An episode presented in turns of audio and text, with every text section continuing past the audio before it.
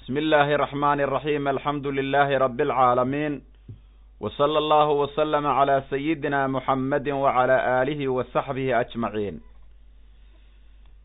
إن شاء الله waxaanu meeshaan ka bilaabaynaa darsigeenii sideedaad ee kitaabkeenii xayaat lislaam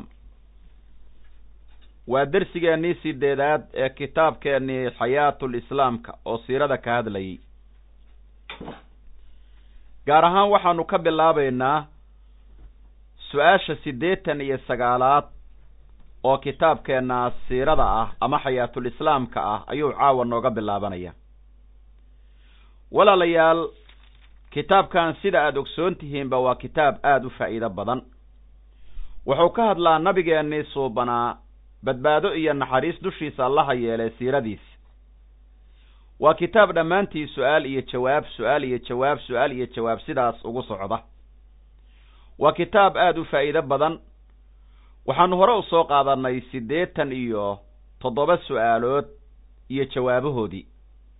Darsigeennan sideedaad caaw wuxuu ka bilaabanayaa su'aasha siddeetan iyo sideed siddeetan iyo sagaalaad ilaa siddeetan iyo sideed su'aal baan hore u soo qaadanay wuxuu nooga bilaabanayaa masalada ama su'aasha siddeetan iyo sagaalaad buu nooga bilaabanaya wuxuu darsigeennaanu caawa ka hadli doonaa qeybta ugu horeyda ama su'aashan mucjizaatu sayidina muxamedin sala allahu calayhi wasalam mucjizaadkii nabi moxamed ilaahay siiyey calayhi salaatu wasalaam su'aasha ku xigtana waxaanu ku ogaa doonaa khasaa'istii ama waxyaabihii nabiga lagu gooni yeelay iyo nabiga axwaashiisii asmaadiisii magacyadiisii abtiriskiisii qaybahaasoo dhan baa insha allah noo iman doona. Marka bal mucjizaadka nabi moxamed aan baranno sala allahu calayhi wasalam kitaabku wuxuu sheegi doonaa ilaa toban iyo lix mucjizo oo nabi moxamed mucjizooyinkiisa ka mid ah. Laakiin mucjizaadka nabigeenna suuban calayhi salaatu wasalaam aad bay u badan yihiin oo lama soo koobi karo su'aashii waa tan. Udkur noo sheeg lanaa annaga bacdan qaar noo sheeg. Qaarkaasoo min mucjizaatihi nabiga mucjizooyinkiisii ka mid ah sala allahu calayhi wasalama nabiga mucjizooyinkiisii qaar ka mida noo sheeg. Lamaba soo koobi karee bal oon qeyb ka mida nooga sheekay.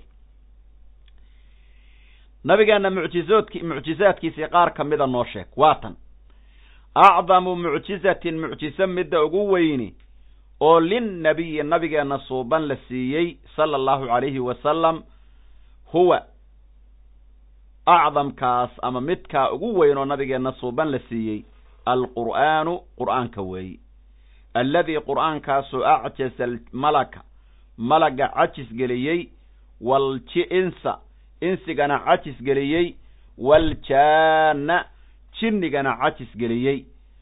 Qur'aanku waa mucjiso nabi moxamed la siiyey calayhi salaatu wasalaam middii ugu weyneed. Qur'aanka waxaa ka cajisay insi iyo jinni iyo wax walba. Kulligood waa ka cajiseen weeyaan. Wa acdamu mucjisa mucjiso middii ugu weyneed. Oo nabigeenna suuban la siiye weeye calayhi salaatu wasalaam acdamu mucjisatin weeye. Insi iyo jinnina waa cajis geliye qur'aanku oo maxaa looga jeedaa insi iyo jinni iyo kulli cajis geliye maxaa looga jeedaa? Waxaa looga jeedaa waxa weeye macnaha qur'aanka oo kaleeto. Insigu malagu lama imaan karo malagu lama imaan karo jinnigu lama imaan karo. Waxa weeye insiga oo bini aadamkaahi lama imaan karo. Waa mucjizo nabi moxamed la siiyey calayhi salaatu wasalaam middii ugu weyneed weeyaan. Ilaahay aayad qur'aana muxuu ku yidhi qul lain ijtamacat alinsu waaljinnu calaa an ya'tuu bimithli hada alqur'aani laa ya'tuuna bimithlihi walow kaana bacduhum libacdin dahiira haddii insi iyo jinni isku yimaadiin oo dhammaantood isku dayaan qur'aankoo kale wax lamida inay la yimaadiin lama imaan karaan haba isku kaalmeeyeen. Marka qur'aanka nabigeenna calayhi salaatu wasalaam ilaahay ou siiyey waa mucjiso nabi moxamed la siiyo middii ugu weyneed. Maxaa yeelay mucjizaadkii kale oo ambiyada waxaa la yidhaahdaa haddee ma ahan shay hadda socdo oo la akrinayo ma aha laakiin qur'aanku waa mucjizo daa'imahoo la akrinayo oo joogta. Qur'aanka oo kale wax la imaan karaana ma jiraan. Xigmaddiisa marka laga hadlayo waxaa ka mid a aayadaha loo soo qaato. Masalan suuradda la yidhaha suuratulqasas oo kale hal aayad gudaheed buu ilaahay wuxuu ku kulmiyey bayna amarayni wa nahyeyni wa khabarayni wa bishaaratayni. Laba amar laba nahyi laba khabar laba bishaaro. Oo aayaddaasi waa maxay? Dadkii tafsiir ku taxnay waa soo marteen wa awxaynaa ilaa ummi muusa an ardiciihi fa idaa khifti calayhi calayhi fa alqiihi fi lyammi walaa takhaafii walaa taxzanii inaa raadduuhu ilayki wa jaaciluuhu min almursaliin ou ilaahay yidhi aayaddaa waxaa iskula jira laba amar labada amar waa maxay nuuji oo markaad u cabsato badda iskaga tuur baa la yidhi nabi muuse hooyadii waa loo baqaye waa laba amar aayadda waxaa kaloo ku jira laba nahyi laba shay oo loo diiday walaa takhaafii walaa taxzanii ha cabsan oo ha murugoon waa aayadda waxaa kaloo ku jira laba khabar laba arrimood oo laga khabray oo waa maxay labada khabar oo macnaha ku jiraana? Labada khabar oo ku jiraana waxa weeye waa laba khabaroo waxaa loo qabray innaa raadduuhu ilayki wa jaaciluuhu min almursaliin. Maxaa yeelay waa khabar. In la soo celi doonaahi waa khabar.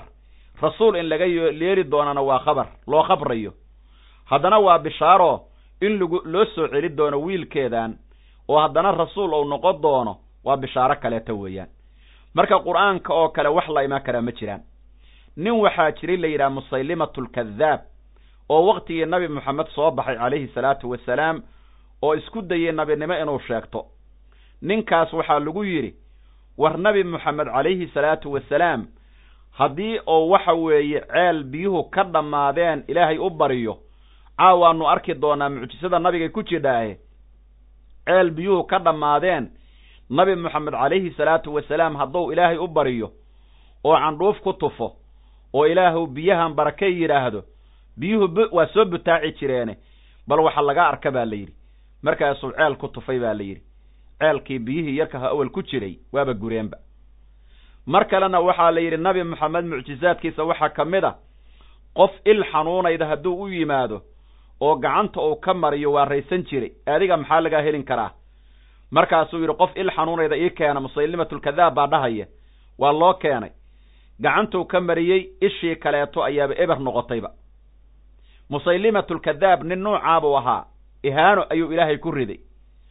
Wuxuu dhihi jiray ninkaasu qur'aanka qur'aan lamida baan la imaanayaa annagoo yaryar baan maqli jirnay qur'aan la wax lagu magacaabo. Qur'aan quuta quute qur'aan ma aha laakiin wax foolxumo badan oo macnaha qur'aanka ilaahay wax shabaha oo bini aadam ama makhluuq ahoo keeni karaa ma jiraan. Musaylimatulkadaab baa wuxuu yidhi qur'aan baan la imaanayaa sheeg baa la yidhi waxaad meesha ku haydo. Markaasuu wuxuu yidhi yaa difdacu kam tunaqiina aclaaki fi maa wa asfaliki fi ddiin lalmaa'i tukadiriina wala sharaaba tamniciina. Ma waxaas ba qur'aan ah bal u fiirsada adinkuba dhegaysta yaa difdacu rahay rahu ka sheekeeyo. Ninkaas dabaaldhimadiisa qur'aan baan akrinayaa buu leeyahy rahay kam tunaqiina in mise shayad wax saafi yeelaysay.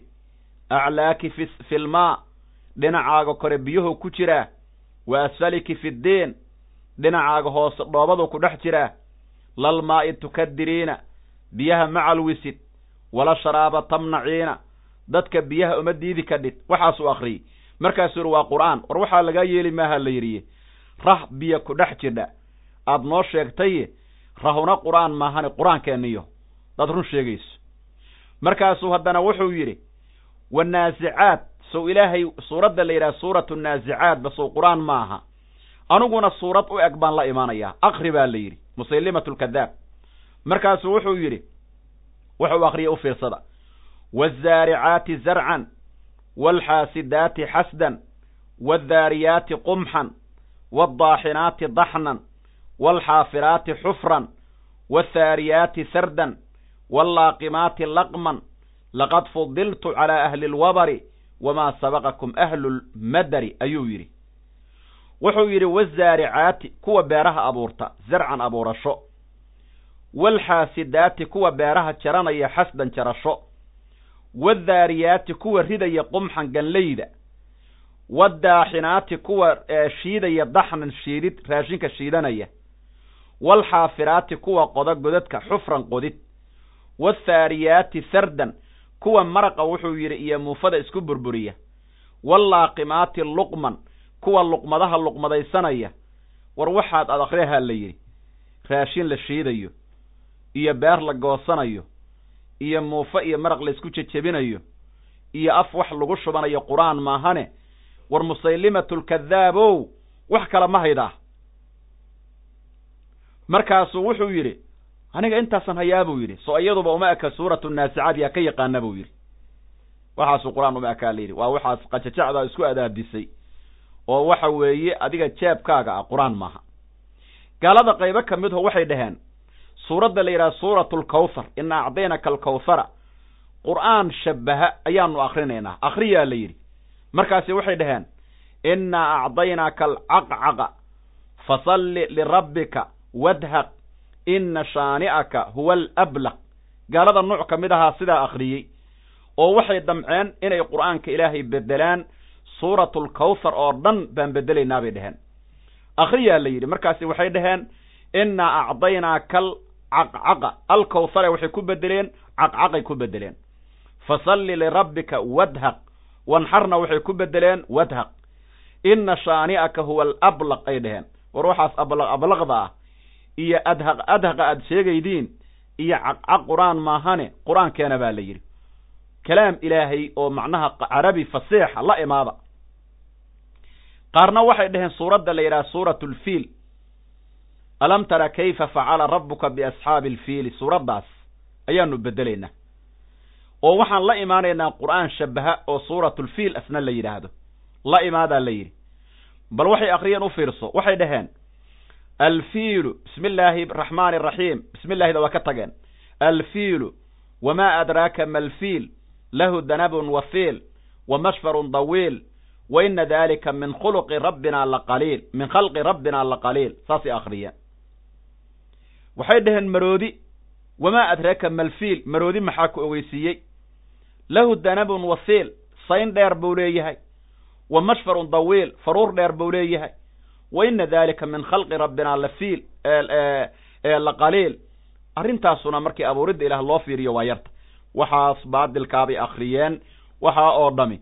Waa wax lagu qoslo maaha qur'aan maaha. Qur'aanka ilaahay nabi moxamed baa ilaahay ku soo dejiyey calayhi salaatu wasalaam wax la mid ah ama u dhikama malaa'igtu lama imaan karaan ambiyadu lama imaan karaan carabta faseexada badan lama imaan karaan.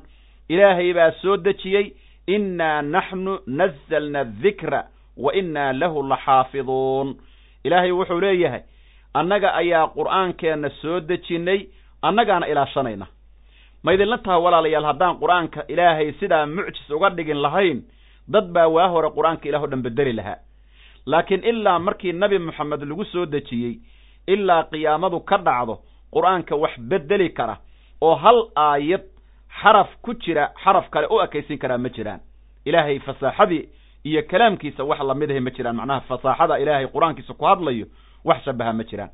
Marka nabigeenna calayhi salaatu wasalaam mucjizaadka la siiyey midda ugu horayda oo aan caawa qaadanayna waxa weeye waa qur'aanka kariimka ah nabi moxamed baa lagu soo dejiyey. Faatixada umulqur'aan baa la yidhaha nabigu wuxuu dhihi jiray calayhi salaatu wasalaam ilaahay baa isiiyey oo igu soo dejiyey. Sala allahu calayhi wasalam waxaanu gelaynaa mucjisada labaad oo nabigeenna la siiyey.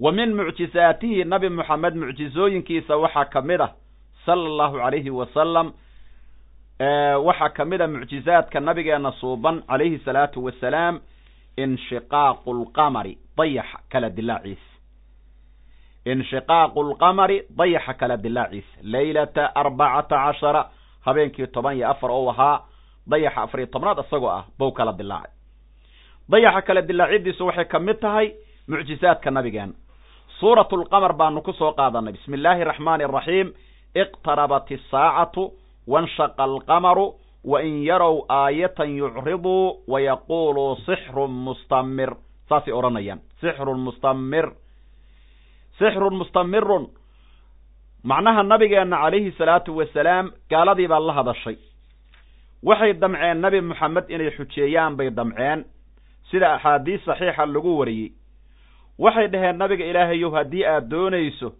in aanu rasuul kuu oqoonno gaaladii maka joogta weeye dayaxaas afar iyo tobnaadka a kala dilaaci. oo ilaahaagu taa ha kaa yeelo. dayaxu cadna halkaa ha ku dhaco cadna halkaa ha ku dhaco. haddii taasu rumowdo oo dhab noqoto waxaanu ogaanaynaa inaad tahay nabi ilaahay oo run ah markaasaan ku raaci doonaa.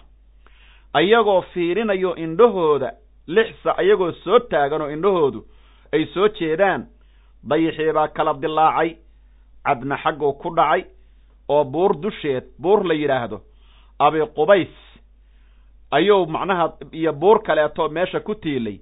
Laba buurood ayuu dushooda macnaha waxa weeye oo ku dhacay. Nabigeennu markaa makuu joogaa waa intuu soo hijroonin. Gaalada markay sidaan u xujeeyeen ilaahay arrintiibuu ka yeelay. Ma rumaynayaan. Markay indhaha saareen oo dayaxii u jeedeen baa la yidhi. Ay waxay dhaheen wa yaquulu sixrun mustamirun bay dheheen waa sixir bay indadaraandar weeye annaguna khaldaya. Waa sixir marka waxa weeye mucjizaadka nabi moxamed calayhi salaatu wasalaam ambiyadii hore waa ka sii weynta maxaa yeele mucjizooyinka nabiga xataa samaawaadki fiiri dayaxaa la kala dilaaciyey. Nabi gaaray ma jiro. Waa mucjizo nabi moxamed ilaahay ku gooni yeelay sala allahu calayhi wasalam mucjizaadkii nabiga ka mid ta mucjizada saddexaad oo nabi moxamed ilaahay siiyey wa minhaa waxaa ka mid a mucjizooyinka. Nab oo nabiga la siiyey nabcu lumaa'i biyaha soo burqashadooda.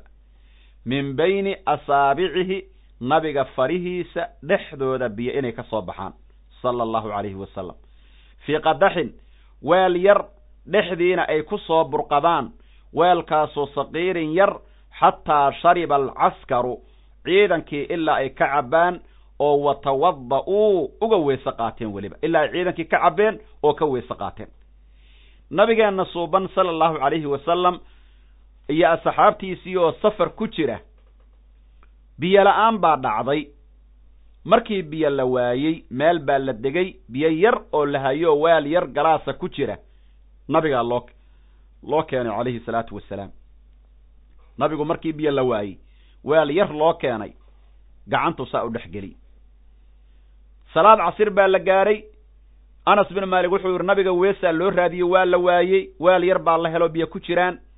Gacantuu nabigu saa u dhexgeliyey markaasuu yidhi qofkii weysaqaad u baahano weelkiisa ha soo qaatee halkaa biyaha ka dardarsado. Farihii nabi moxamed calayhi salaatu wasalaam dhexdooda ayaa biyihii ka burqanayaan bal fiiri tuba la furay oo kale ay farta nabi moxamed dhexdeeda biyuhu uga baxayaan calayhi salaatu wasalaam. Waa mucjizo mucjizadu waxa weeye amrun khaariqun lilcaadati waa amar khaariqulcaada ah oo amakaagahoo lala yaabo. Maxaa yaele hadda qof bini aadam ah oo gacantiisa dhexdiisa biyo dadku cabayaan oo weelasha darsanayaan ka dureersadeen haddii la arko maxaa la odhan lahay maanta? Qof mu'mina haddii nuucaan oo kale ka dhaco ma banaano lama dhihi karo fa tusamaa karaamatan. Karaamaa la yidhaahdaa kullu maa jaaza an yakuuna mucjizatan linabiyin jaaza an yakuuna karaamatan liwaliyin wax walba oo nabi u noqdo karaam mucjizo owliyada ilaah hadday ka dhacaan mu'miniinta ilaah ku karaameeyana karaamaa lagu magacaaba karaamadana waxaa lagu gaaraa cabsi ilaahay iyo rumaynta ilaahay iyo kudayashada nabi moxamed sala allahu calayhi wasalam dadka awliyada ilaahay la yidhaahdana waa dad ku xidhan ilaahay iyo rasuulkiisa sala allahu calayhi wasalam dhabnimo ugu xidhan ilahay ha nagu daro kuwaas. Marka nabigeenna calayhi salaatu wasalaam waxaa la yidhi nabi muuse mucjisadii la siiyey. Midda nabi moxamed baa ka sii weyn. Maxaa yeelay waxa weeye gacan il biyo ka burqadaan iyo waxyaabaha dhagax sidaa biyo ka soo dilaacaan iyo waa shay macnaha la yaqaan. Laakiin gacan bini aadam jir biyo ka soo baxayaan. Arrin caadi ah maahan nabigeena la siiyey calayhi salaatu wasalaam. Mucjisada afaraad oo nabigeena la siiyey calayhi salaatu wasalaam raashin qadarkiisu ou la eg yahay raashin qadarkiisu ou la eg yahay laba kun iyo afar boqol oo garaam raashin u dhikama. Macnaha suus raashin ah waa inta fitrada qofka uu ku bixiyo. Kun qofood ma deeq ah may kun qofood ma deeqo kun qofood raashin intaa la eg baa nabi moxamed deeqsiiyey calayhi salaatu wasalaam riyaadu saalixiinkan ku soo qaadanay. Waana tan. Wa minhaa waxaa ka mid a mucjisooyinka nabi moxamed idcaamu alfin kun quudintood kun qofood in la quudiyey min aqali wax ka yar min aqala wax ka yar min aqala min saacin suus wax ka sii yar kun qofood in la wada gaadhsiiyey. Nabigeena la siiyey calayhi salaatu wasalaam idcaamu alfin kun qofood quudintood min aqala wax ka yar min saacin suus raashin ah. Suus raashin ah wax aan dhammayn kun qofood nabi moxamed baa deeqsiiyey. Ilaah baa deeqsiinaya laakiin nabiga ilaahay ku karaameeyey oo mucjiza looga dhigay. Qisadeedu waa mashhuur. Qofkii ku tixnaa riyaadu saalixiinkana waa garanayaa. Macnaha dagaalkii khandaq godkaa markii la qodayey asxaabtu aad bay u baahdeen dhowr habeen waxba lama cunin saxaabi lagu magacaabo jaabir nabigoo aada u baahan oo caloosha dhagax ugu duuduuban yahu arkay sala allahu calayhi wasalam waa soo ordoo gabadhii uu qabo u tegey markaasuu yidhi nabigiyo aada u baahanan soo arkay see lan yeelaa maxaa wax ma la helayaa? Markaasii ku tiri haa raashin bay guriga suus la-eg baa laga helo shaciir ah waxar yarna waa la helay. Waxartiibay qaleen raashinkiibay diyaariyeen.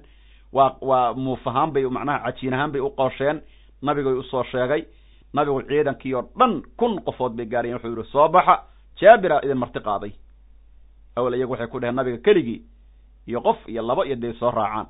Marka nabiguna wuxuu yidhi dadkii oo dhan soo baxuu yidhi calayhi salaatu wasalaam. Waa la soo baxay gurigiyaa la iskugu yimid. Nabigu wuxuu yidhi calayhi salaatu wasalaam wax idinla shaqeeya raadiya. Waa ku tufay nabigu hilibkii waa ku tufay ilaahow noo barakeey cajiinkii la qasay waa ku tufay ilaahow barakey kunkii qofood waa dhergeen hilib iyo muufadiiba ka dhergeen iyo maraqii waa la dhammay waayey ilaa qof walboo baahan hadiye loo diro. Waa mucjizooyinka nabiga mid ka mid a calayhi salaatu wasalaam. Waxaa qisadaasoo kaleeto la mid a qisadaasoo kaleeto waxaa la mid a isla qisadii aanu riyaadu saalixiin ku soo qaadanay.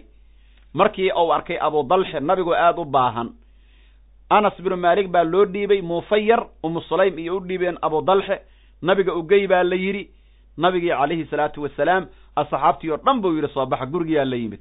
Intii yarta aheed ayuu ilaahay barakeeyey kulli waa ku wada filnaatay. Toban toban aa loo geliyey iyadana waa soo marnay.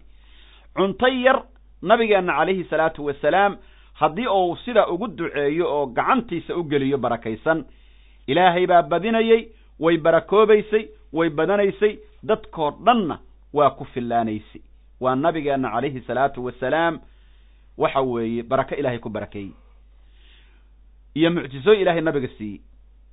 Mucjisada ee waxa weeye afaraad waa midda. Mucjisada shanaad oo nabigeenna la gaarsiiyey. Wa minhaa waxaa ka mid a mucjisooyinka nabigeenna ilaahay siiyey kalaamu shajari geedka hadalkiisa iyo walxajari dhagaxa hadalkiisa. Nabigeenna waxaa la hadli jiray geedaha iyo dhagxaanta waxay siiradu qoreen nabigeennu calayhi salaatu wasalaam geedaha markuu soo ag maro ama dhagxaanta uu soo ag maro in ay ku dhihi jireen assalaamu calayka yaa rasuula allah korkaaga badbaado allaha yeelo. Nabigii ilaahay doortayow sala allahu calayhi wasalam. Nabiga ilaahay doortayow korkaaga badbaado allaha yeelo ay dhihi jireen. Waa la hadlayaan. Nabigii bay la hadlayaan calayhi salaatu wasalaam. Mucjisada lixaad oo nabigeenna ilaahay ou siiyey wa minhaa mucjisooyinka nabigeenna waxaa ka mid a xaniinuljidci dogobkii ama geedka tibirta jiriddeedii uhiloobideeda ay oyday oo nabiga u hilowday ay shawquhu geedkaas hiloobidiisa lamaa waktigii faaraqahu nabigu ou faaruqay oo uu iska dhaafay ku istaagidiisa ay u hilowday waa oydaba.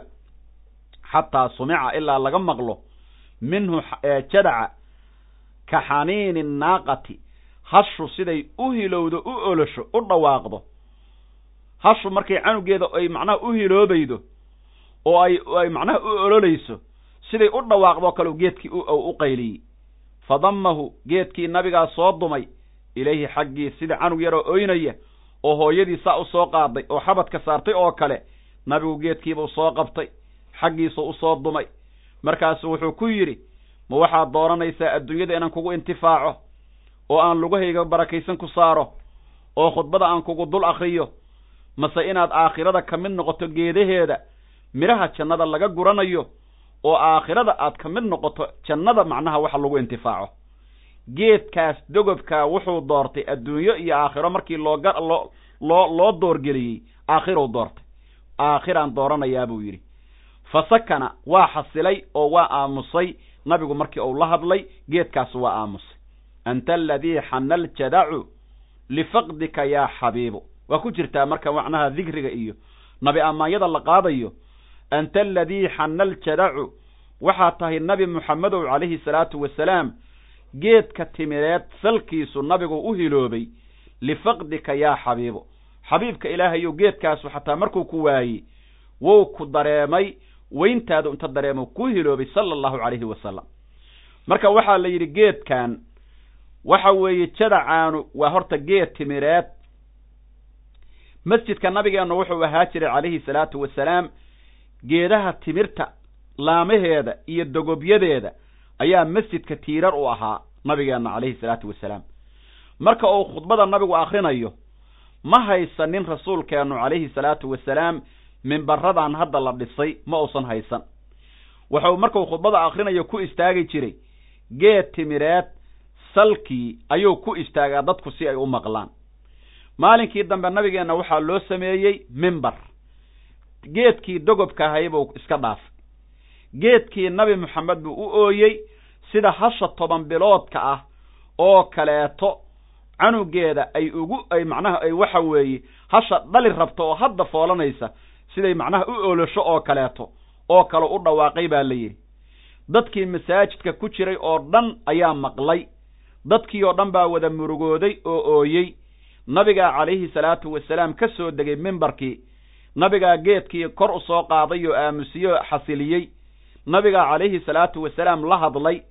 Nabigaa madaxa u salsalaaxay oo ku yidhi ma waxaad ka dooranaysaa inaad ka mid noqoto aakhiro geedaheeda dadka awliyaa uraxmaanka ay midhaha ka daaqaan. Mase waxaad dooranaysaa inaad noqoto mid adduunyada aan ku akriyo khudbada. Markaasuu wuxuu yidhi waxaan dooranayaa aakhirada ee adduunyada dooran mayo.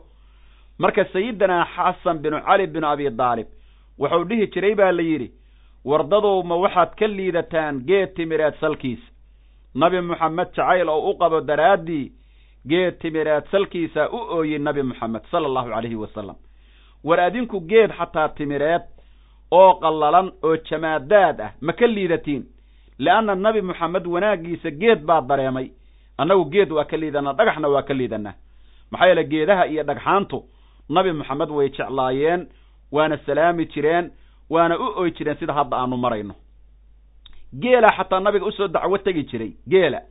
Axaadiistu waxay qorayaan nabigeenna calayhi salaatu wasalaam neef geela oo la rarto rati maalin nabiga inuu u soo ooyey oo indhaha ilin ka daadiyey waa mucjisaadka nabiga mid ka mid ah oo nabigu calayhi salaatu wasalaam meesha jidirka la yidhaahdo oo halkaa guudka dambe ah ou ka salsalaaxay oo uu yidhi maxaa dhibahoo laguu geystay? oo ratigii nabiga ou la hadlay calayhi salaatu wasalaam waa mucjiso neef geel adiga hadduu kula hadlo ma fahmaysid. Laakiin nabi moxamed xataa xayawaanku hadday dhib sheegtaan wuu fahmi jiray sala allahu calayhi wasalam markaasuu nabigu gartay wuxuu sheeganayo. Ratigii waa dacwoodo wuxuu yidhi aniga dhibaato badan baa laygu hayaa. Ninka aniga milkilahayga ah gaajabuu ii dilayo waad ii jeeddaa aad baan u baahanahay. Ninka milkilahayga ah rar aanan qaadi karin buu isaaray nabiga ilaahayu igala hadal adigaa ummadoo dhan rasuulkoodii ah ninka iga qabo dhibkaasa laygu hayaa. Markaasuu nabigu calayhi salaatu wasalaam yidhi man lihaada aljamaal war ratigan yaa iskale ninkii lahay baa yidhi nabiga ilaahayu anigaa iskaleh markaasuu nabigu u sheegay sala allahu calayhi wasalam dhibkii iyo arrinta uu ku hayo ratiga ilaah uga baq buu yidhi. Bahaa-imta la dhibayo oo mayeeraanka ah qiyaamada waa laysku qabanaya waa laysku cadaabayaa nabigeenna axaadiistiisa waxaa ku sugan calayhi salaatu wasalaam gabar reer banu israa'iil ah in loo cadaabay oo naarta jahannamo ay u gashay rabbi ha naga badbaadiye bisad daraaddeed baa loo cadaabay bisad daraaddeed bisad bay meel ku xirtay. Siimadayn ha doonato raashinkeeda ah cuntona ma siin meel bay ku xirtay markaabay baahi u dishay bisadaasaa loo cadaaba yuri nabigu calayhi salaatu wasalaam. Marka nabigeenna sala allahu calayhi wasalam geedkaa dogobka ah oo u soo dhib sheegtay oo u hiloobay ayaa ka mid a mucjizaadkiisa nabigeenna mucjizooyinkiisa waxaa ka mid a haddana. Wa minhaa waxaa ka mid a mucjizooyinka waa midii toddobaade inziwaa'uhu inziwaa'uhu nabiga u soo dun nabiga loo soo kulmintiisa ama u soo dunmindeeda inziwaa'u lardi miya inziwaa'u lardi dhulka soo dunmideeda dhulkii oo dhan baa loo soo kulmiyey ay jamcu lardi dhulka loo soo jamcinteeda wa damu bacdihaa qaarkeed oo loo geeyo loo dumo ilaa bacdin. Lahu nabiga daraaddii calayhi salaatu wasalaam xataa shaahadahaa dhulkii ilaa uu ka arko fa ra'aa nabigu markaa wuxuu arkay mashaariqahaa makaanu qorax dhalashayaalka iyo wa maqaaribahaa makaanu qorax dhicidyaalka. Nabigeenna waxaa lagu karaameeyey walaalayaal waxaa ka mid ah oo ilaahay mucjiso uga dhigay. Dhulkan oo dhan baa waxaa looga dhigay muraayad. Hortiisa taalo waa loo soo duuduubay. Hortiisaa la soo dhigay. Markaasuu nabigu wuxuu arkay adduunyada meesha qoraxdu u dhacdo iyo meeshay ka soo baxdo qof walba oo naga mid a annaga meesha adduunyada hadda uu ka joogo inta adduunka dhan saa loo soo duuduubaa nabiga la soo hordhigay. Meel walboo ka mid a nabigu waa arkay calayhi salaatu wasalaam. Allahu akbar. Nabigaa loo soo kulmiyey kulligeed buu wada arkay. Mucjizaadka nabigeenna suuban midda sideedaad waxaa ka mid ah wa minhaa waxaa ka mid ah tasbiixu lxasaa quruurixii tasbiixsigiisa dhagxaan yar yara oo quruuraxa baa tasbiixsatay bikafihi nabiga gacantiisay ku tasbiixsatay waadacaami raashin baa tasbiixsaday lixadratihi nabiga xadradiisa meesha uu joogay ayuu ku tasbiixsaday xadradu waa xaaraam dad baa odhanaya ma yaqaano haddaad tiraa xadro macnaheeda kaliya ii sheeg ma garanayo marna wuxuu iska leeyahay dikrigu waa xaaraam haddaad sii weydiido dikri waa xaaraamu maalin maqlay oo muxaa nin jeedinayo bestiyow qabsaday midna wuxuu ku leeyahay nabi ammaanku waa xaaraam war nabiga in la ammaano miya xaaraama maya hadda nabiga waana la ammaani karaahe? Waana xaaraamna waa leeyahay. Haddana markaad aad ka dabageydo oo ma aad wax u sheegto wuxuu ku leeyahay maya taas ma diidani. Oo haddaba saudiga ilahi lama ammaani kara maaha waa xaaraam saudiga taagnaay dadka marka waxa weeye hadallo badan oysan ka fiirsan waa waa ku ciqaamutaysanayaan illa waa dembigu aad buu macnaha waxaa dhici kara uu yidhi nabigeenu hadal ousan qofku qalbigiisa u gudbinin afka inuu ka yidhaahdo oo toddobaatan sano hadalkaa qaladkaa darteed naarta loogu sii shalwinayo baa dhici kartuu nabigeenu yidhi calayhi salaatu wasalaam. Ilahay naga badbaadiyo. Nabigeenna marka dhag ee waxaa u tasbiixsaday quruurax. Quruuraxan waa dhagxaan yar yar ah. Dhagxaan yar yara baa tasbiixsatay. Nabigeenna waxaa dhacday calayhi salaatu wasalaam. Waxaa la yidhi rasuulkeenna calayhi salaatu wasalaam dhagxaan yar yara baa gacantiisa uu saa ugu qabtay. Way tasbiixsadeen. Waxaa soo arooro abudar saxaabi layidhaha oo wariyey nabiga maalin meel khilwo ah oo cidla isagoo jooga ayaan la fadhiistay. Cilmi baan ka baranay. Maalin baan baxay nabigu meel hebla isagoo meel cidlaa joogaan u tegi. Waa la fadhiistay. Markaasuu nabigu wuxuu ugu yidhi buu yidhi abudar buu ku dhahayaa. Abudarow maxaa macnaha waxa weeye? Aad meeshan ku keenay allahu aclamu rasuuluhu baan idhi anoo meeshii fadhiya sayid abubakaraa yimid. Nabigu wuxuu yidhi sayid abubakar adiga maxaa ku keenay? Allahu aclamu rasuuluhu buu yidhi. Dhinaca midiguu nabiga ka fadhiistay dhinaca midigta ah ou fadhiistay sayid abubakar haddana sayidina cumar baa yimid. Nabigu wuxuu yidhi calayhi salaatu wasalaam sayid cumarow adigana maxaa ku keenay? Wuxuu yidhi sayid cumar allahu aclamu rasuuluhu ilaahayo rasuulkiisaa og. Haddana waxaa yimid sayidina cuhmaan waa fadhiistay nabigaa su'aalo wuxuu yidhi sayid cuhmaanow adigana maxaa ku keenay? Nabigu wuxuu yidhi calayhi salaatu wasalaam allahu aclamu rasuuluhu. Nabigu markay intaasoo saxaabi isku yimaadeen ayuu wuxuu soo qaaday toddoba dhagax oo yar yara oo quruuraxa ama sagaal gacantuu sidaa ugu qabtay. Dhagxaantii markuu nabigu saa u qabtay bay tasbiix akriyeen subxaana allah subxaana allah dhagxaan yar yar ah dhagxaan yar yar ah nabi moxamed gacantiisay ku jiraan. Fii badni sayidina rasul waxaan rabaa fii baadini yaddi rasuulillaahi sala allahu calayhi wasalam bay ku jiraan. Tasbiix bay akriyeen xataa sumicad lahuna dawiyan ka dawiyi naxli. Sida shinnidu u hugunto oo kale hugun tiro badan oo tasbiixa dhagxaan qaadaysa baa la maqlay. Asxaabtiina meeshay fadhiyaan. Nabigu dhagxaantii wuxuu u dhiibay sayid abubakar oo gacantiisa saa u geliyey.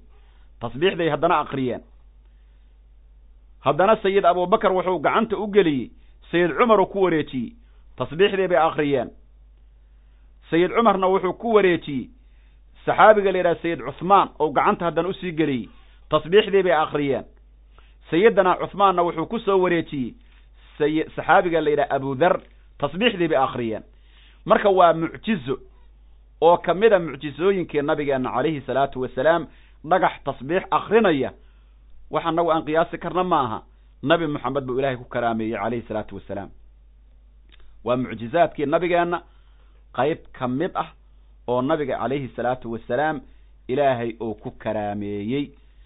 Waxaa ka mid a mucjizooyinka nabigeenna suuban sala allahu calayhi wasalam midda sagaalaad. Wa minhaa waxaa ka mid a mucjizooyinka nabigeenna raddu cayni qataadata. Saxaabiga la yidhaha qataade ishiisa soo celinteeda. Ayaa ka mid a saxaabi qataada la yidhaha qataada binu nucmaan ishiisa ayaa nabigu celiyey fa kaanad waxay noqotay axsana caynayhi labadiisa indhood midda wanaagga badan bay noqotay. Saxaabigan waxaa la yidhi dagaalkii uxud il baa soo dhacday saxaabigan baa la yidhi il baa dhacday dhaawac baa ka gaadhay way soo dhacday marka ishaas way soo dhacday baa la yidhi. Dhaawac baa inta ka gaadhay ishu soo dhacday.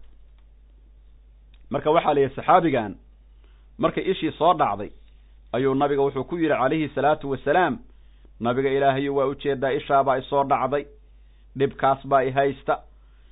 Waa dagaalkii uxud il baa soo dhacday qataada binu nucmaan. Halkaa goonkiisaabay ku soo dhacday ishaas. Nabiga u keenay isagoo gacanta ku wada wuxuu yidhi nabiga ilaahayo gabar baan qabaa.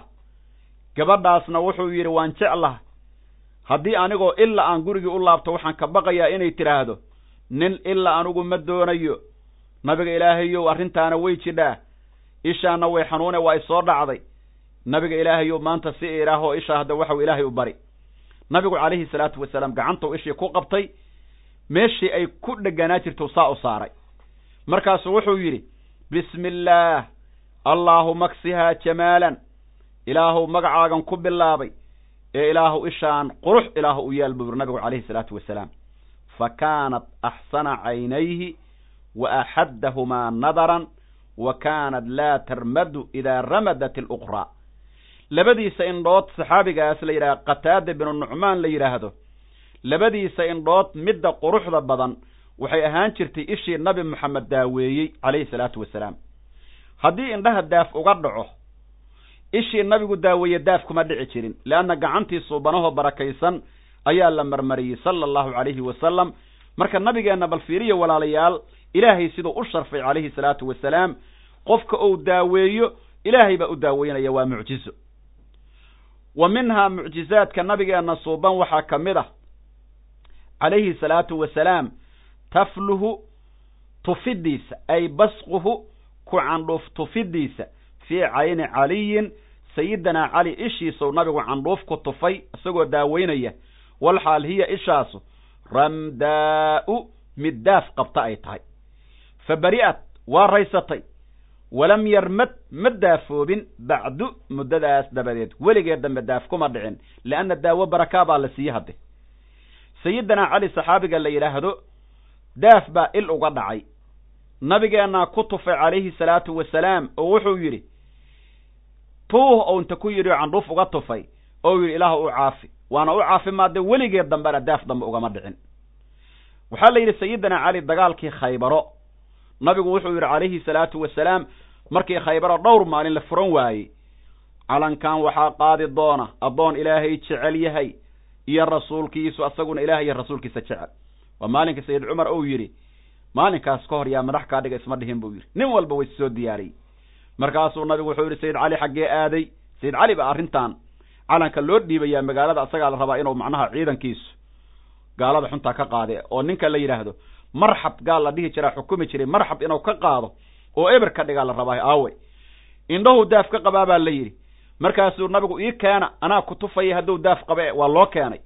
Nabigu calayhi salaatu wasalaam puuh uu yidhi ilaahu ka caafi weligii dambe cudurkaas maba ku dhicin sayidina cali bin abi aalib mucjisada kow iyo tobnaad oo kitaabka uu noo qorayo wa minhaa waxaa ka mid a mucjisooyinka suubanaheenna suuban sala allahu calayhi wasalam ducaa'uhu nabiga u ducayntiisa lahu sayidina cali oo u duceeyey bimanci lxarri kulaylka reebidiisa waalbardi qabowga mancintiisa ugu duceeyey. Qabowga iyo kulaylkaa idhiba ou yidhi markaasuu nabigu uga duceeye wuxuu yidhi kulayl dambena kuma dhibo qabowna kuma dhibo.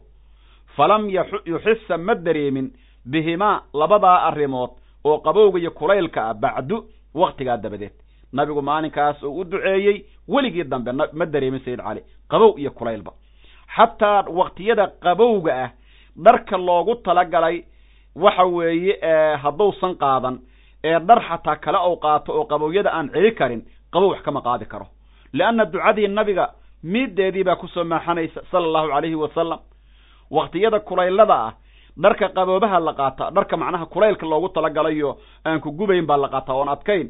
Dhar xataa adag hadduu qaato kulaylku waxba ka dhibin maayo.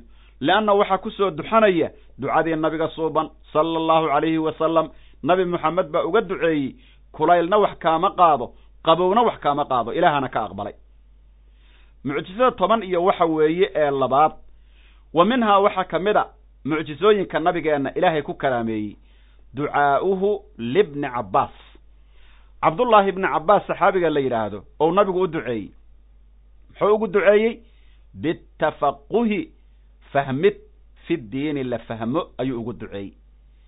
Ilaahu diinta bar qaabka loo fasirana bar ou nabigu yidhi. Allaahuma callimhu ata'wiil allaahuma faqihu fi ddiin wacallimhu ata'wiil buu nabigu yidhi.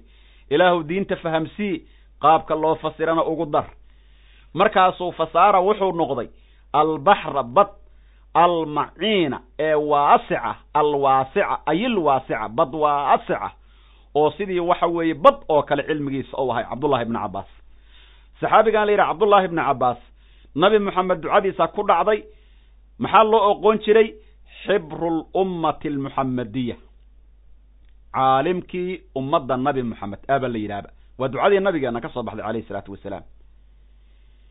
Nabigeenu u keenay maalin isagoo wiil yara oo biyo u keenay uu ku daharo qaato. Markaasuu nabigu inta u soo dhawaado yidhi ilaahu diinta fahamsi ilaahu sida loo fasiro bar ducadii nabiga ku dhacday calayhi isalaatu wasalaam. Mucjisada toban iyo saddexaad baanu gelaynaa wa minhaa mucjisooyinka nabigeenna waxaa ka mid a ducaa'uhu u ducayntiisa lianas bni maalikin. Anas binu maalik buu nabigu u duceeyey bilmaali xoolo walwaladi carruur waalcumri cumri intaasuu nabigu ugu duceeyey. Fa rusiqa waxaa lagu irsaaqay mi'ata waladin boqol canug. Wa caasha wuxuu noolaaday anas binu maalik mi'ata sanatin boqol sano. Wa saara nakluhu geed timirkiisuna wuxuu ahaaday yaxmilu mid mira yeesho oo miro xambaara. Filcaami halka sano gudaheeda maratayni laba goor ay timirtiisu miro yeela jidhay. Anas binu maalik. Anas binu maalik wiil yar isagoo ahoo toban jira ayaa nabiga loo keenay calayhi salaatu wasalaam. Hooyadiis umu sulaym baa u keentay iyo aabbihii hooyadiis qabay oo abudalxa ahaa. Ilaa aabba camalo kuu noqonaya sidii maqaamkii aabbau joogahay abudalxa laakiin aabbihii rasmiga ahay maahayni aabbihiis wou dhintay canug agoona waaye nabigaa loo keenay calayhi salaatu wasalaam. Markaasi waxay ku dhaheen nabiga ilaahaeyow anas binu maalik waa wiil yar oo aad actif u ah oo caqli badan ee falyakhdimka ha kuu shaqeeyo oo ku darso adeegayaalka kula socda mar walba. Safar haddaad u baxdo iyo haddii aad muqiim tahay diintana kaa baranaya. Ku darso nabiga ilaahayow nabiga ilaahayow u ducey baa la yidhi oo wiilkan iigu ducey bay tiri hooyadii umu sulaym ilaahay inuu badiyo maalkiisa. Owlaad badan ilaahay inuu siiyo. Cumriga inuu ilaahay u barakeeyo.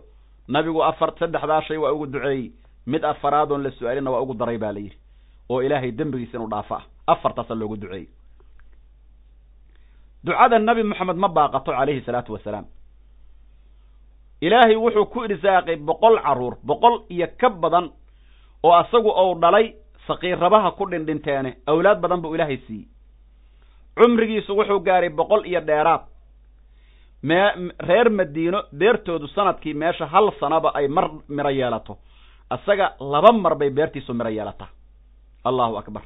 Ducadii kalena waa sugayaa buu dhihi jiro ahaay dembiga inuu ilahay ii dhaafayo janno i geynayo. Mucjisada toban iyo afaraad oo kitaabka uu noo qoray waxa weeye wa minhaa mucjisooyinka nabigeenna waxaa ka mid a nin saxaabi ah oo lug ay kala jaban tahay loo a loo keenay nabiga. Lugtaa kala jaban. Wow sidaa maroo ku duuduubay waa jabanta markaasuu nabigu inta saa iskugu toosiyey oo gacanta saa u marmariyey oo yidhi ilaah u caafi. Markiibay hore ka caafimaaday wa minhaa waxaa ka mid a mucjisooyinka nabigeena suuban calayhi salaatu wasalaam masxu rijli ibni catiikin cabdullaahi baa la yidhaha saxaabigaas. Cabdullaahi ibnu catiik lugtiisa nabigu inuu gacanta ku masaxay lamaa goortii inkasarad ay kala jabtay fa saxad markaabay caafimaaday lugtaas saxaabigan ka jabtay nabigaa u duceeyey calayhi salaatu wasalaam horay bay ka caafimaaday horay bay ka caafimaaday oo waxaa la yidhaahdaa saxaabigan nabigeena u duceeyey sala allahu calayhi wasalam maxaa yeele waxa weeye lugtiisa macnaha lug baa ka jabtay baa la yidhi. Lug baa ka jabtay waxaa la wariyaa nabigeenu calayhi salaatu wasalaam waktigii dagaalkii khandaq iyo muddooyinkaabaa lagu tilmaamaahe. Nin waxaa jiray yuhuudda ka mid ah oo nabigeenna aad u dhibaateyn jiray oo la yidhaahdo abiraafic abilxuqayq a loo yaqaana kunyadiisa alyahuudi acdaada nabi maxamed ka mid ahaa. Weliba dadkii waxaa la yidhi tobankii kun oo gaalada ahaa oo gaashaanbuurta ahaa oo dagaalkii axzaab isku soo bahaystay nebi moxamed iyo asxaabta in la cirib gooyo ninkii soo abaabulay oo falkaa soo maleega ayuu ahaa. Adigu ninkaasu cadow buu ahaa nabigeennu calayhi salaatu wasalaam asxaabtiisa ayuu wuxuu yidhi yaa ninkaa gaalka a soo dilaya. Shan saxaabi oo reer khasraj ah ayaa dheheen annagaa soo dilayna. Noogu faataxay nabiga ilaahayow gaalka xunka ah annagaa qoorta u soo dheeraynayne. Shantaas saxaabi waxaa la kala yidhaahdaa oo yahuudiga a dheheen waan soo dilaynaa. Saxaabiga hadda kitaabku noo qoray oo la yidhaahdo cabdullaahi ibnu catiiq iyo saxaabi kale oo la yidhaha cabdullaahi ibnu unays iyo saxaabi la yidhaha abu qataada iyo saxaabi la yidhaha aswad ibnu khusaaci iyo saxaabi la yidhaha mascuud ibnu sinaan alaslami. Waa shantaas saxaabi gaalkaasaan soo dilaynaa bay dheheen waa baxeen ninkaanu wuxuu degan yahay meel gees ah oo magaalada ka baxsan buu degan yahay. Way baxeen waa raadiyeen waa u dhowaadeen waa u dhowaadeen meeshii uu deganaay goor galab ah oo maqribkii caawa la rabaa in ninkan caawa la khaarijiyo yahuudiga ah ay u soo dhowaadeen. Markay meeshii meel u dhow marayaan waxaa shanta saxaabi madax looga dhigay. Saxaabigan hadda aanu marayno oo la yidhaahdo cabdullaahi ibnu catiik oo lugtu ka jabi doonto ayaa madax looga dhigay. Meeshii meel u dhow markay marayaan buu cabdullaahi wuxuu yidhi halkan iisii jooga. Anigaa ninka u xeeleedaysanayo gurigiisa u gelaya caawa markuu hurde. Wuxuu soo dhuudhuunto wuxuu soo dhuudhuunto qoraxdu markay sii dhacaydo ninku wuxuu degan yahaa layidhi meel weyn oo ariga iyo fardaha iyo wixii isaga markaa u jooga loogu soo xareeyo oo ganjeel karoo weyn leh oo dhowr guri oo macnaha waxa weye keligii u dhisan markaabaa macnaha shaqaala u jooga waa yahuudi dhib badan nabigu aad u dhibi jiray calayhi salaatu wa halkaa buu iska degan yahay. Cabdullaahi wuxuu soo socdo oo soo xeelxeelaysto waxaa la yidhi wuxuu waa soo dhadhowaaday gurigii xoolihii markay soo gelayeen iyo fardihii iyo ganjeelkii. Ayuu inta isi soo gaabiyey isi soo yareeyey oo isu soo dhex daray xoolihii. Waana goor maqrib oo qoraxdu madoobaatay ninkii shaqaynayaa wuxuu is yidhi ba la yidhi ma qofkaanu ma qof gudaha ka soo baxo banaan guri kura ku laaban rabaa. War soo gal buu yidhi inta arkay. Waa goor mugdi wuxuu u maleeyay qof guri guriga awal joogay. Waa soo galay buu yidhi. Markaaban meellaaba isku aadiyey ninkii albaabkiiba uu xiray. Wixii dhan obagiibaa macnaha gaalkahay baa lala fiidsadaa. Sida loola sheekaysanayo markii la jiifan rabaa nin walba gurigiisa aadaa. Ninkii shaqaalahay wuxuu yidhi furayaalkii oo dhan gurigu inta kor uga xiray oo asagii ilmihiisii ganjeelada kore laga wada xiray qolalkau ku jiro inta laga xiray ayaa wuxuu yidhi furayaashii wuxuu suray meel korkayga ah oo farda ay ku xirnaayeen oo furayaashii suray kii shaqaalaha ahay. Anna halkaabaan waxaan rabaa caawa markii la hurdo inuu dilow rabaa saxaabigu gaalka. Wuxuu yidhi markii la kala tegey oo la hurday furayaashii baan qaatay. Qolkaan fur qolkaan fur waxa dhan waa wada mugdi. Dabaqaan sii fuul. Caawo hadda naftiisa fiiri naftiisa u biimeeyey soo ma aragtid markii dambe guri wuxuu yidhi dabaqyada ugu koreeya aan aan galay buu yidhi. Ninkii wuxuu dhex jiiftay ilmihiisii xaaskiisii oo dhexda ka jiifaa leanna nafta qol gooniya xataa ma jiifo karo. Waa gaal dembile ah oo nabi moxamed wax ka sheegay. Marka wuxuu is leeyahay goormaa lagu dili doonaa. Meeshii wuxuu yidhi gurigii markaan soo galay saxaabigaana waxaa la yidhi xoogay indha habeenna wuu lahaa jiray iyo xoogay indhahana aragtida waxaan rabaa way ku xumeen marka waana guriguna waa mugdi wuxuu yidhi gurigii markaan soo galay buu yidhi. Albaabka horta wuxuu yidhi markaan soo gelayo. Markaan soo dhawaaday. Markii aan wuxuu yidhi soo dhawaada buu yidhi. Waxa weeye oo albaabkii aan furay gabadhii ou xaaskii ou qabay baa igu kacday buu yidhi.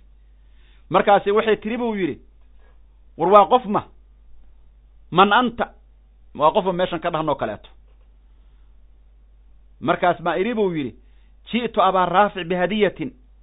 Waa nin abi raafic u socda oo xoogay hadiyaa baan wadaa oo shaqaalihiisa ka mid a albaabkiiba iga furtay buu yidhi iyadaa albaabka iga sii furtayba markii albaabkii iga furtay ay aragtay u yidhi anoo hub wata seefta iyo waranka ay indhaha saartay buu yidhi. Markaasay qayli maagtay seeftii baan saa inta u baaciyey aa idhi buu yidhi tis hadal yaan lagaa maqal. Uskut uskutii aamus baan idhi buu yidhi yaan hadal lagaa maqal nabiguna markay baxayeenba wuxuu faray in aan la dili karin dumarka iyo dadka waayeelada iyo gaalada nuucaa weliba ah lama taaban kara buu nabigu yidhi calayhi salaatu wasalaam. Aamus baa idhi buu yidhi. Haddii kale seefan madaxa kaaga jaraya. Way aamustay markii ay aamustay aan gurigii wuxuu yidhi seeftii markii wuxuu yidhi ay aamusto isagii hadlay. Meeshii uu ka dhawaaqan seeftii kula booday meel cidlahan ku dhiftay waa la gefe meel baan haddana isku aadiyey waa mugdi. Wax hadli kara ma leh. Gurigii buu dhinac uga jiraa markii aan cabbaar aamusnay buu yidhi aan dhawaqii beddeshay. Markaabaan iska dhiga buu yidhi nin asaga u soo gurmaday oo meelaha ka yimid oo shaqaalihiisii ah. Markaasaan waxaan idhi buu yidhi war abiraaficow maxaa dhibahoo jira? Markaasuu wuxuu yidhi war belaha kugu dhacdee waxa weeye nin baa meelaha noogu gamban oo seef hadda igu soo macnaha gamay. Ee niyaho waxa weye sidaa ogaaw. Dhawaqiisii waan hubsaday meesha uga xigo. Markaasaan la aaday seeftii oon ku dhiftay buu yidhi. Markii aan seeftii wuxuu yidhi ku dhiftay oon ku hubsaday ou qayliyey gabadhiina bannaankii u carartay. Seeftii baan wuxuu yidhi kula sii dhowaadayo waan ku muday buu yidhi. Ilaa ay markii dambe qajajacdeeda iyo dhiigga aan ka dareemo oo dhabarkiisa ay ka baxdo markii aan hubsaday naftii inay ka baxday oon is yidhi ninkaani ma noola ayaan bannaanka u soo cararay buu yidhi. Guryihii wuxuu yidhi waa dhowr jaran jaro oo laga soo dego waana habeen dayax ah. Marka dayaxa markay tahay mararka qaar jaranjarooyinka waxaad u malaynaysaa adigii inaad ka dhammaatay qaar baana ilaa weli u laaban. Ayadoo dhowr xaba iisii laaban yihiin aragtidiisuna waxay siiradu qoree saxaabigan wa kaana fii basarihi dacfun. Xogay aragtidiisa daciif bay ahaa jidha baa la yidhi ayadoo marka u sii laaban yihiin oo guryihii uusan qaar ka degin oo u maleeye baa la yidhi in ay u dhammaatay. Markaabuu soo dhacay. Wuu jabay marka saxaabiga lug buu ka jabay. Cabdullaahi ibnu catiiq gaalkiina waa soo dilay ogow lug buu ka jabay. Markii ou jabay qof la joogta ma leh. Wuxuu ku duuduubay lugtiisii maradii oo watay ayuu ku duuduubay. Markii uu ku duuduubo gurguurtay. Ma socon karo nin buuna soo dilay. Haddii shaqaalihiisii gaalkan waagu beryo oo laysku qaylo geysto isagaa meesha haddii loogu yimaado waa la dilayaa moogta waa gurguurtay waa gurguurtay shantii afartii saxaabi oo kale meel ka baxsan xaafadda oo meesha uu dagaal ku galay ou galabta uga soo tegay meelba geed bay ugu jiraan. Soo u gurguuranayay intii cawo? Oo iyagii u tegey isagoo lug ka jaban. Wuxuu yidhi yahuudigii waa soo dilay lugna waa ka jabanaya halay qaado. Markaasay qaadeen baa layidhi nabigiibay u qaadeen calayhi salaatu wasalaam iyadoo la sido oo lugtiisu jaban tahay oo maro ku duuduuban tahay ayaa nabi moxamed loo keenay sala allahu calayhi wasalam saxaabigan hadda aanu marayno oo la yidhaahdo cabdullaahi ibni catiik markii nabigeenna loo keenay saxaabigan oo nabigu indhaha uu saaray calayhi salaatu wasalaam ayuu gacanta saa u marmariyey. Inta isku dhejiyey lugtii ou gacanta mariyo ilaah u caafimaaday markaabay isla markii caafimaaday waa mucjiso aada u weyn badan mucjisada toban iyo shanaad wa minhaa waxaa ka mid a mucjisooyinka nabigeenna. Ramyatulkufaari gaalada ku gamiddeeda fii badrin dagaalkii beder iyo wa xunaynin dagaalkii xunayn. Gaalada waxaa lagu gemay oo indhaha looga shubay biqabdatin cantoobo oo min turaabin ciid ah.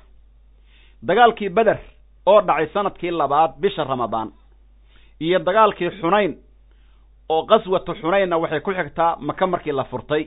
Waxay dhacday sannadkii sideedaad bisha la yidhaha shawaal oo hadda aan ku jirno oo soonfurka loo yaqaano ay dhacday duulaankaani ou dhacay. Labadaas duulaan nabigeennu calayhi salaatu wasalaam gaalada markii uu la gelayey gacantou ciid ku soo qaatay. Markaasuu nabigu indhaha uga firdhiyey calayhi salaatu wasalaam. Ilaahay baana wada gaadhsiiyey kulligood indhahoodoo dhan ciid baa buuxiday famtala'at acyunuhum indhahoodii baa buuxsamay halkaa cantoobo oo nabi moxamed saa u soo qaaday oo ku firdhiyey gaaladii oo dhan indhahoodii baa buuxsamay. Fa husimuu markaabaa la jebiyo hasmi baa ku dhacay ilaa indhahoodii baa ciid ka buuxsantay. Mucjisada toban iyo lixaad oo kitaabku noo qorayo ugu dambayda mucjisaadka ou qoray. Wa minhaa waxaa ka mid a mucjisooyinka nabigeenna calayhi salaatu wasalaam masxuhu nabiga masixidiisa gacanta sidaa uu u mariyey biyadihi gacantiisa oo ku masaxay yaddaasoo alkariimati ee wanaagsan calaa darci shaatin ri ibaheed ama candhadeed ridaasoo xaa'ilin golmaran ah oo aan irmaan ahayn fa darad markaabay darartay min xiinihaa isla markeedii waqtigeediiba. Waan soo marnay qisadan dhowr mar bayna dhacday waxaa ka mid aheed tusaale ahaan qisadii hore aan u soo sheegno oo kaleeto oo nabigeenna suuban calayhi salaatu wasalaam masalanba markii ay hijroodeen nabigeenna calayhi salaatu wasalaam iyo saxaabiga la yidhaahdo sayidina abubakar sidiiq markii hijrada ay u baxeen meel dhexe ayagoo sii maraya waxay waddadii ku soo mareen gabar la odhan jiray ummu macbad alkhusaaciya gabadhaasu dadka dhibaataysan bay quudin jirtay. Nabigu wuxuu yidhi calayhi salaatu wasalaam waxaan cunno noo raadi ama aan cabno waxay tidhi sanadkan waa sanad abaareed. Xoole ma jiraan cunta ma jidho. Guriga markaa waxaa ku sugan ri weyd ah oo caato iyo abaar daraaddeed meesha kala kici weyday. Ninkeedii waa maqan yahayo arigii dhammay caato u baaba'ay iyo abaar. Xoolihii way xaalufeen. Nabigu markaasu wuxuu yidhi calayhi salaatu wasalaam ridaas weydaaho halkaa fadhida. Aan caana ka maalneen noo oggolow. Markaasi waxay tidhi ridaan baahida la kici weyday haddii aad caana ka maali kartiin bal ka maala. Nabigu ridiibuu taajiyey calayhi salaatu wasalaam. Gacantiisa barakaysan ayuu rida ibaheeda meesha caanaha laga maalo ou nabigu sidaa u marmariyey. Isla markiibay sidii ri irmaana ay noqotay. Caano ayuu nabigu ka lisoo gacantiisu ku lisay. Weelasha keensada buu yidhi weelashiibuu caano ka wada buuxiyey. Nabiga iyo abuubakar caanihii bay cabeen calayhi salaatu wasalaam. Gabadhiina caanow nabigu siiyey gurigiina caanow nabigu uga tegey ninkeedii markuu yimidna waaba yaabo wuxuu yidhi maridii weydaaheedoo halkaa aan uga tego oo abaar la kici weyday ayuu caana ka maalay. Wallee ninkaa arrintiisu caadi ma aha. Marka neef weydahoo sidaasoo kale meel ku sugan oo caana laga maalo waa wax cajiib ah. Cabdullaahi bin mascuud sababta oo ku soo islaamana qisadan mid la mid ahay aheedoo ari asagoo jira waxar yar oo macnaha waxa weeye ou nabigu yidhi noo fasax iyadan caana ka maalaynaahe qisadanoo kalea ka dhacdo nabigu iyadana caanow ka maalay. Ilaa kayri daalika intaan kayrkeed baa jirdha oo ka mid a nabiga mucjisaadkiisa oo min almucjizaati mucjisooyin ah allatii mucjisooyinkaasoo laa tadkhulu aanba geli karin taxta xasrin koobid la soo koobo hoosteedba aan geli karin. Bimacnaa waxaa jira qisooyin kaloo aad u fara badan oo wada dhammaantood mucjizaad ah oo aan la soo koobi karin oo intaan ka fara badan. Waxaaba ka mid a nabigeenna calayhi salaatu wasalaam habeenkii la dheelmiyey. Waxa weeye wuxuu subxii ka qisooday. Caawa intuu sii socday safar reer mako u maqnaa. Hawada asagoo maraya inuu arkay. Maalinka maalin hebel la yidhaahna inay imaan doonaan. Neef xoolaabaa ka dhumo anaa u sheegay buu yidhi. Nuucaa iyo nuucaa bay ahaayeen. Xalay intaan hawada ku jiray baan arkay markii lay dheelmiyey waktigii ou sheegou yidhi nabigu safaraydu way imaan doonaan. Waxaa la yidhi qorraxdiina way soo socotaa oo waa soo bixi rabtaa. Safarkiina ma imaan. Nabigu markaasuu qorraxdiiba dib loo dhigay leanna nabi moxamed hadalkuu yidhaahdo assaadiqu almasduuq baa la yidhaha magacyadiisa waa arki doonaahe nabigii runlowga ahaa oo ilaahayna wuxuu sheego u rumaynayey baa loo yaqaanaa. Nabigeenna marka waxa weeye mucjizooyinkiisa ilaahay ku karaameeyey waxa weeye taa ayaa ka mida baa la yidhaahdaa nabigeenna calayhi salaatu wasalaam mucjizooyinka ilaahay ou siiyey iyo waxyaabaha ilaahay ka soo daahiriyey. Taa ayaa ka mid ahoo qorraxda loo celiye baa ka mid ah waxaa ka mid a nabigeenna mucjizaadkiisa aan la soo koobi karin. Nabigeennu calayhi salaatu wasalaam wuxuu u duceeyey saxaabiga la yidhaahdo waxa weeye abi hurayra. Abi hurayra nabiga u yimid wuxuu yidhi in badan baan xadiista kaa maqlaa waan iska halmaamaa. Nabigeennu wuxuu yidhi calayhi salaatu wasalaam bal go'aaga fidso markaabuu fidsaday. Nabigu saddex mar buu gacmaha u daray khayrka isku laaboo qaada buu yidhi.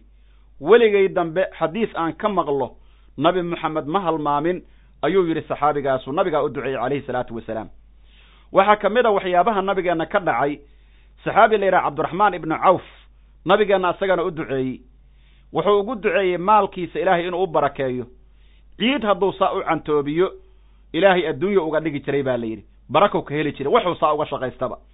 Dadka midka ugu tanaadsan oo carab oo dhan oo ilaahay ka dhigay ducada nabigeenna daraaddeed calayhi salaatu wasalaam nabigeenna wuxuu kale u duceeyey saxaabi la yidhaahdo sacad ibni abi waqaas. Wuxuu yidhi duco walba ood ku ducaydo carabkaaga ilaaha kula jiro sacad binu abi waqaas wax kastoo ilaahay ou ka baryo ilaahay waa ka aqbali jiray maxaa yeele nabigeenna ugu duceeyey qabuulka inuu ilaahay siiyo sala allahu calayhi wasalam qabuulka inuu ilaahay gaarsiiyo oo ilaahay qabuul ou nabiga ou macnaha saxaabigaa ou siiyo nabigaa ugu duceeyey.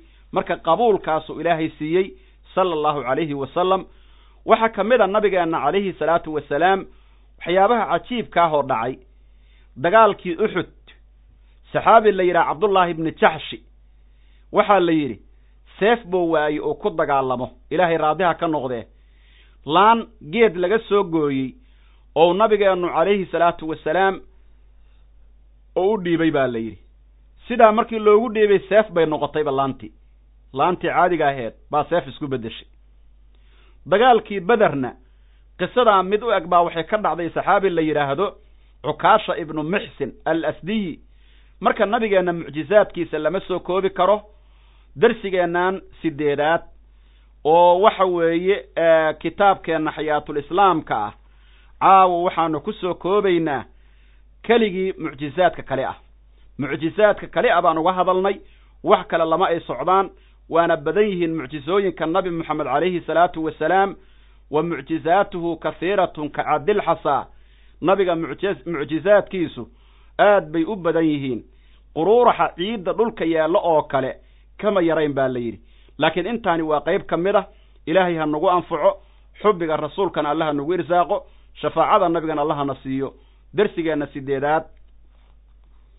Oo kitaabkeenna xayaatulislaamka ah caawa waxaan ku soo koobaynaa mucjizaadka nabi moxamed calayhi salaatu wasalaam su'aasha ka hadlayday ee ah su'aasha siddeetan iyo sagaalaad waliyu tawfiiq wassalaamu calaykum waraxmat ullaahi wa barakaatu